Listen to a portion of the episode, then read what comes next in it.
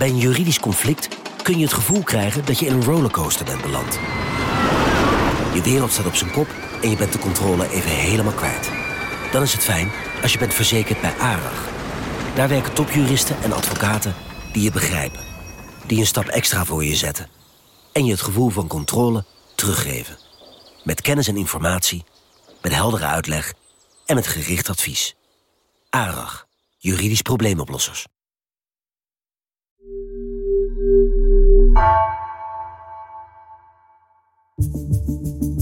Vanaf de redactie van NRC het verhaal van vandaag. Mijn naam is Gabriella Ader.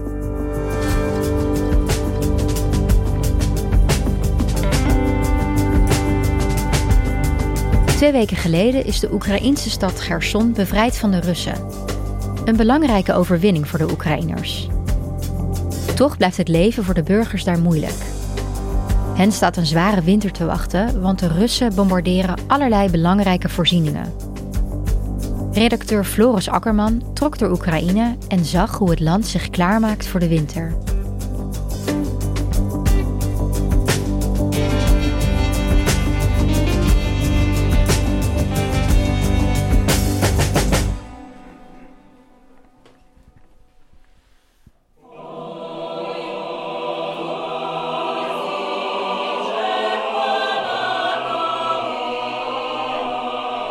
Wat je hier hoort is het Verjovka-koor in Kiev, waar ik twee weken geleden was. En het nummer dat ze zingen is Oi Uluzi Chervono Kalina.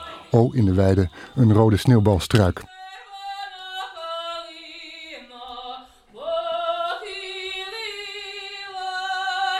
Het is een Oekraïns lied dat ontstaan is in 1914 in West-Oekraïne. En daarna werd het populair in de oorlog tegen Lenins-Rusland in de periode 1917-1921. Oekraïne vocht toen voor zijn onafhankelijkheid.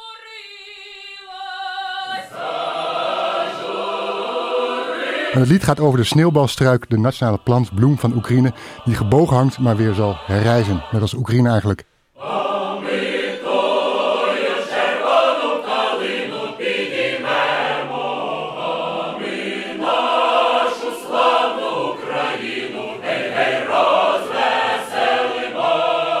Maar er wordt in dat lied ook gezongen over het bevrijden, het losmaken van die Moskouse ketens. En het bevrijden van zijn broeders in het oosten van Oekraïne, waar Rusland al langer uh, de, de dienst uitmaakt.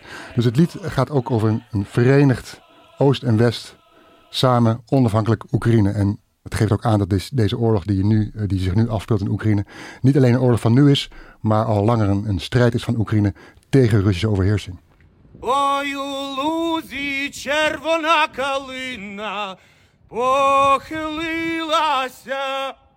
wat je net hoorde was op een plein in, de, in het centrum van Kiev voor de Sint-Sofia-kathedraal. Drie dagen na de invasie van Rusland uh, in Oekraïne. Gezongen hier door Andriy Glivniuk, de zanger van de populaire hiphopband Boombox. Op het moment van die inval was hij in de Verenigde Staten. Heeft zijn tournee afgebroken en is teruggekeerd naar Oekraïne en heeft zich aangesloten bij uh, de strijdkrachten om te vechten voor Oekraïne. Dat is een traditioneel nummer, maar doordat hij zeg maar in een nieuw jasje giet, zowel qua ritme, qua uitvoering, maar ook doordat het op internet wordt gezet, ja, staat het ook aan bij een jongere groep, doelgroep. Dus het nummer is nu dus waanzinnig populair.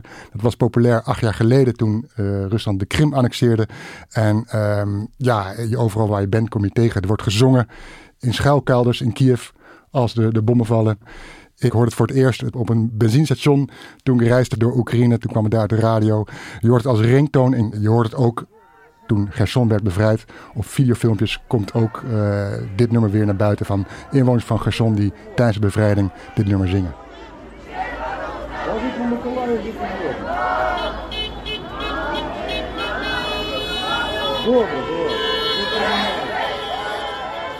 Jij bent net twee weken in Oekraïne geweest. Ja, als we heel even kijken naar de laatste ontwikkelingen? Wat, wat, wat zijn dat?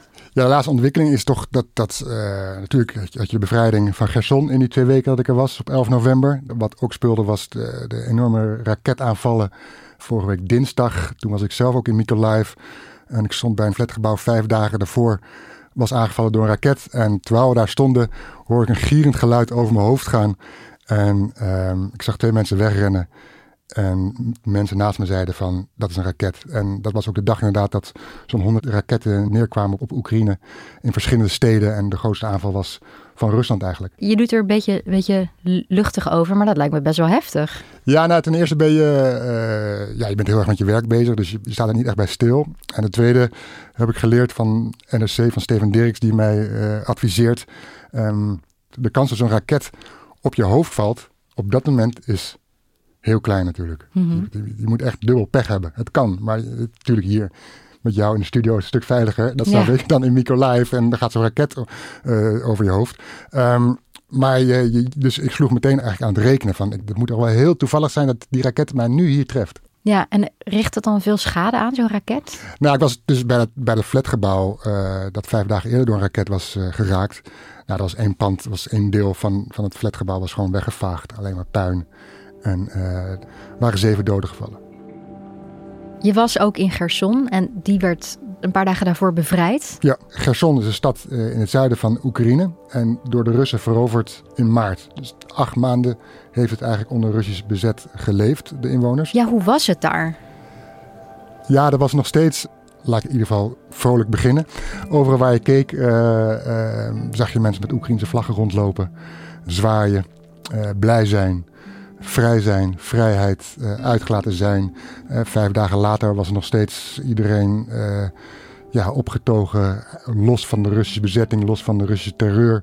En iemand die was helemaal laag enthousiast, die liep daar rond met zijn Oekraïnse vlag. En had de handtekeningen van Oekraïnse soldaten op die Oekraïnse vlag laten zetten. En hij zei van dit, dit zijn sterren, dit zijn superhelden. Alsof het soort van stripfiguren waren als Batman en Superman. Maar dit zijn superhelden die ons hebben bevrijd. Dus uh, een andere vrouw die ik heb gesproken, uh, die had van haar onderbuurman had ze een dennestruik gekregen ter viering van de bevrijding.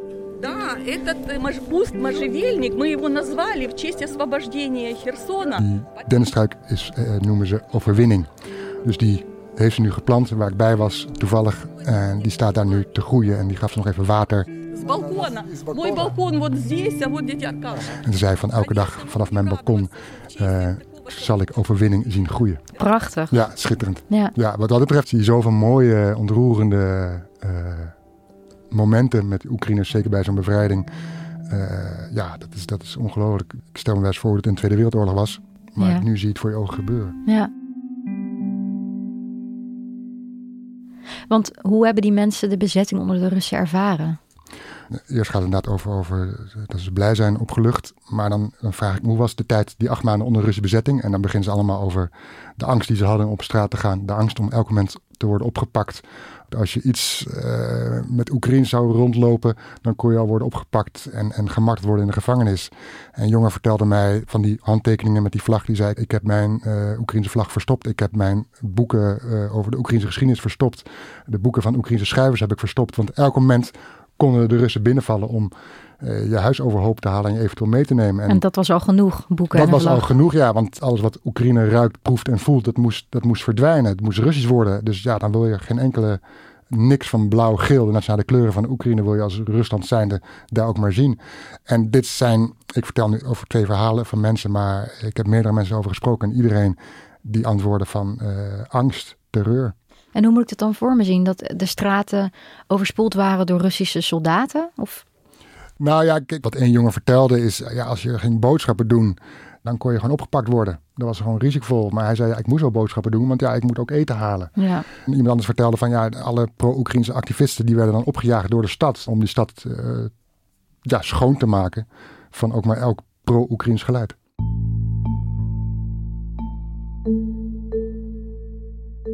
Maar goed, je vertelde net al dat, um, dat de mensen natuurlijk uitgelaten waren in de, toen jij in Gerson was, mm -hmm. omdat het net bevrijd was. Hoe is het leven daar nu, twee weken later? Ja, toen ik er was in Gerson, um, was eigenlijk niks. Er is geen water, geen elektriciteit, uh, er is geen verwarming, geen telefoonaansluiting en ook geen internetverbinding. Dus als klein voorbeeld van die, wat betreft uh, geen internetverbinding, is je zag op straat, daar vlak bij het Centrale Vrijheidsplein, zag je zo'n Starlink-satelliet van Elon Musk. Ja. Dus een kleine televisieschotel stond er op straat en die plukt dan de verbinding vanuit een satelliet hoog in de lucht uh, maakt hij dus contact. Want die had Elon Musk geschonken, hè, eigenlijk? Die, ja, die, die staan dus door heel Oekraïne.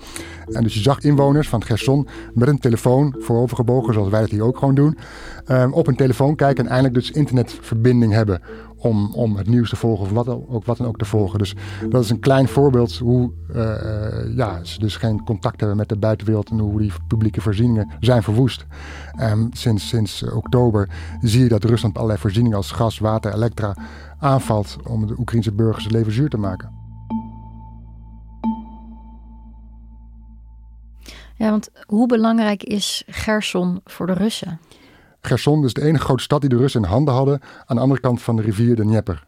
Wat dat betreft eh, kon het gebruikt worden om van daaruit door te stoten naar bijvoorbeeld Mykolaiv, wat iets ten noordelijke ligt van Gerson, of verder naar, naar Odessa. Odessa is voor de Russen een belangrijke historische, culturele stad dat ze graag zouden willen hebben. Um, dat kunnen ze nu vergeten. Wat ze ook kunnen vergeten is nu überhaupt controle over die Oekraïnse zuidkust. Dus voor de Russen is dit uh, pijnlijk, ook omdat Poetin dit gebied heeft geannexeerd. Dus in maart is, het, is Gerson bezet geraakt door de Russen. En in september heeft Poetin dat gebied geannexeerd en dus Russisch verklaard.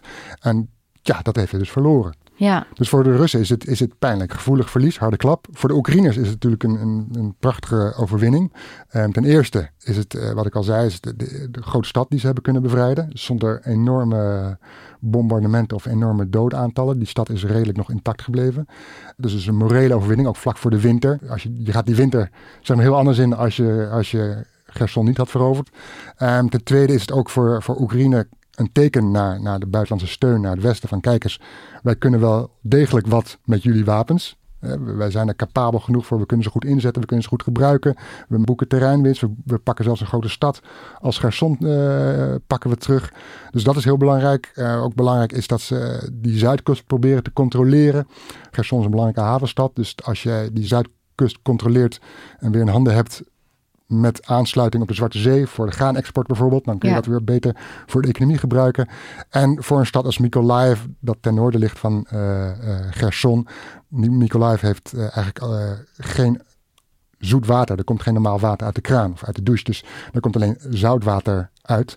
Het zoetwaterkanaal, dat komt vanuit Gerson. Maar dat is nu door de oorlog vernietigd. Dus als dat weer hersteld kan worden, kan ook een stad als Mykolaiv weer gewoon water gebruiken. Ja. Dus um, ja, voor, voor Oekraïne is het ook met het oog op doorstomen naar het zuiden. Ze hebben nu de Krim in het vizier. Is Gerson een belangrijke, belangrijke overwinning. Ja, want wat gaan de Russen nu doen? Nu ze de Zuidkust eigenlijk op een bui kunnen schrijven, waar gaan ze zich nu op richten? Ja, wat je, wat je nu hoort, maar ik moet zeggen, ik ben in Oekraïne vooral op microniveau bezig. En hoe het met het dagelijks leven is. Ik ben niet met het grotere plaatje bezig van nee. wat gebeurt er allemaal verder nog in die oorlog. Wat ik wel begrijp is dat ze zich nu echt ingraven met loopgraven in het oosten. Om het oosten echt wel koet koet vast te houden en daar niet nog verder terrein te verliezen. Want als dat gebeurt, ja, dan leidt Poetin de ene nederlaag naar de andere. Je vertelde net al dat de Russen uh, energievoorzieningen platleggen in Gerson, maar ook in de rest van Oekraïne. Ja. Wat heb jij daar zelf van meegemaakt? Persoonlijk? Ja. Uh, ik was in Mykolaiv en na die enorme raketaanval had uh, Mykolaiv 36 uur geen water. Dus uh, ja, we moesten doen zonder water. Ja, je had waterflessen, die kun je dan kopen in de supermarkt. En poets je dan je tanden mee. Maar niet douchen, uh, de wc doorspoelen was ook even een probleem. Ehm, dus de details zou ik uh, besparen. Maar goed, uh, in het appartement waar ik samen met de fotograaf in zat, daar hadden we ook geen verwarming. Dus het was ook wat dat betreft vroeg naar bed. Ik heb een paar keer gewoon on, in mijn bed gewerkt, onder mijn dekbed. Hoe koud om, is het? ehm, nou, toen we waren was het waterig koud, om het zo maar te zeggen. Dus vies, schuur, weer. 7 graden. En uh, ja, dat het, dan zit je in je appartement, wat ook niet altijd even goed geïsoleerd is. Um, ik had natuurlijk dat zoute water, dus uh, ik heb mijn kleren niet gewassen. Ik heb nu voor het eerst weer schone kleren aan sinds twee weken. Ik durf het ook niet te wassen, omdat de verwarming dus niet deed. Dus die kleren voor mij worden ook nooit droog. Nee. Dus ik heb het maar laten zitten. Dus uh, drie, vier dagen in dezelfde boxshort rondgelopen. Um, dus dat soort dingen. Maar goed, dan denk je, ja, ik, ik ben nu weer terug in Nederland en ik uh, trek weer iets schoons uit de kast. Maar voor die mensen in, in Mykolaiv, die zitten al, hè, wat ik vertelde over het zoute water, dat is al vanaf deze zomer of langer zelfs. En nu wordt het winter. Uh, nu wordt het winter. Dus Hoe je gaan hebt, ze daar? Je, hebt, ja. je hebt geen verwarming. Wat je nu ziet, is dat mensen zich voorbereiden op die winter. Ik vertelde over die raketaanval bij het flatgebouw, waar zeven mensen waren omgekomen. Dat was een grote afvalhoop van puin. En dan zag je dus een, een stel, zag je daar het hout uit het puin weghalen om mee naar huis te nemen. Om te stoken. Om te stoken in je houtkachel. En dan heb je natuurlijk ook nog de, de stroomuitval in Kiev. Uh, Rusland blijft de voorzieningen als elektriciteit, netwerk, energieinfrastructuur uh, aanvallen. Waardoor Kiev nu te maken heeft met stroomuitval. Odessa heeft te maken met stroomuitval. Uh, dus de Russen proberen op deze manier de Oekraïners op de knieën te krijgen.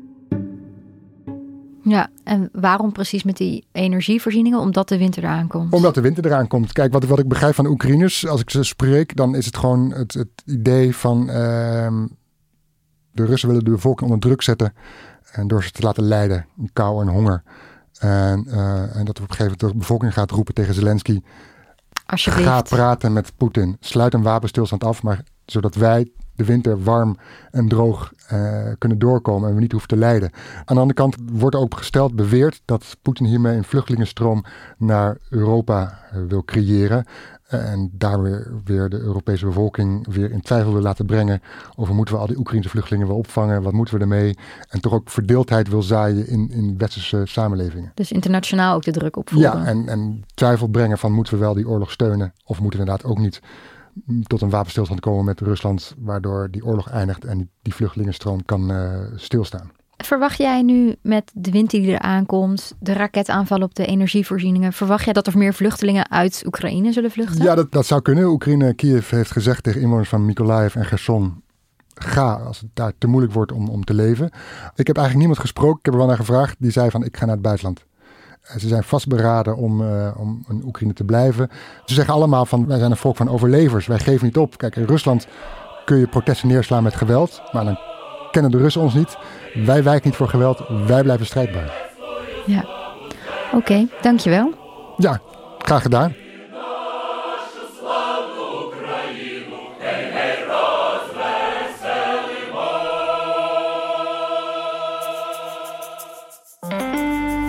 Je luisterde naar vandaag, een podcast van NRC. Eén verhaal, elke dag. Deze aflevering werd gemaakt door Anna Korterink en Gal Tsadokhai. Dit was vandaag. Morgen weer.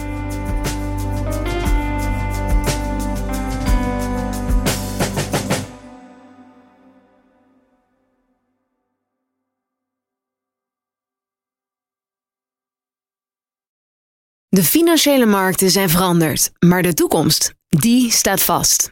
We zijn in transitie naar een klimaatneutrale economie. Dit biedt een van de grootste investeringskansen van onze generatie. Een kans voor u om mee te groeien met de pioniers van morgen. Meer weten? Ga naar carbonequity.com. Carbon Equity. Do good by investing better.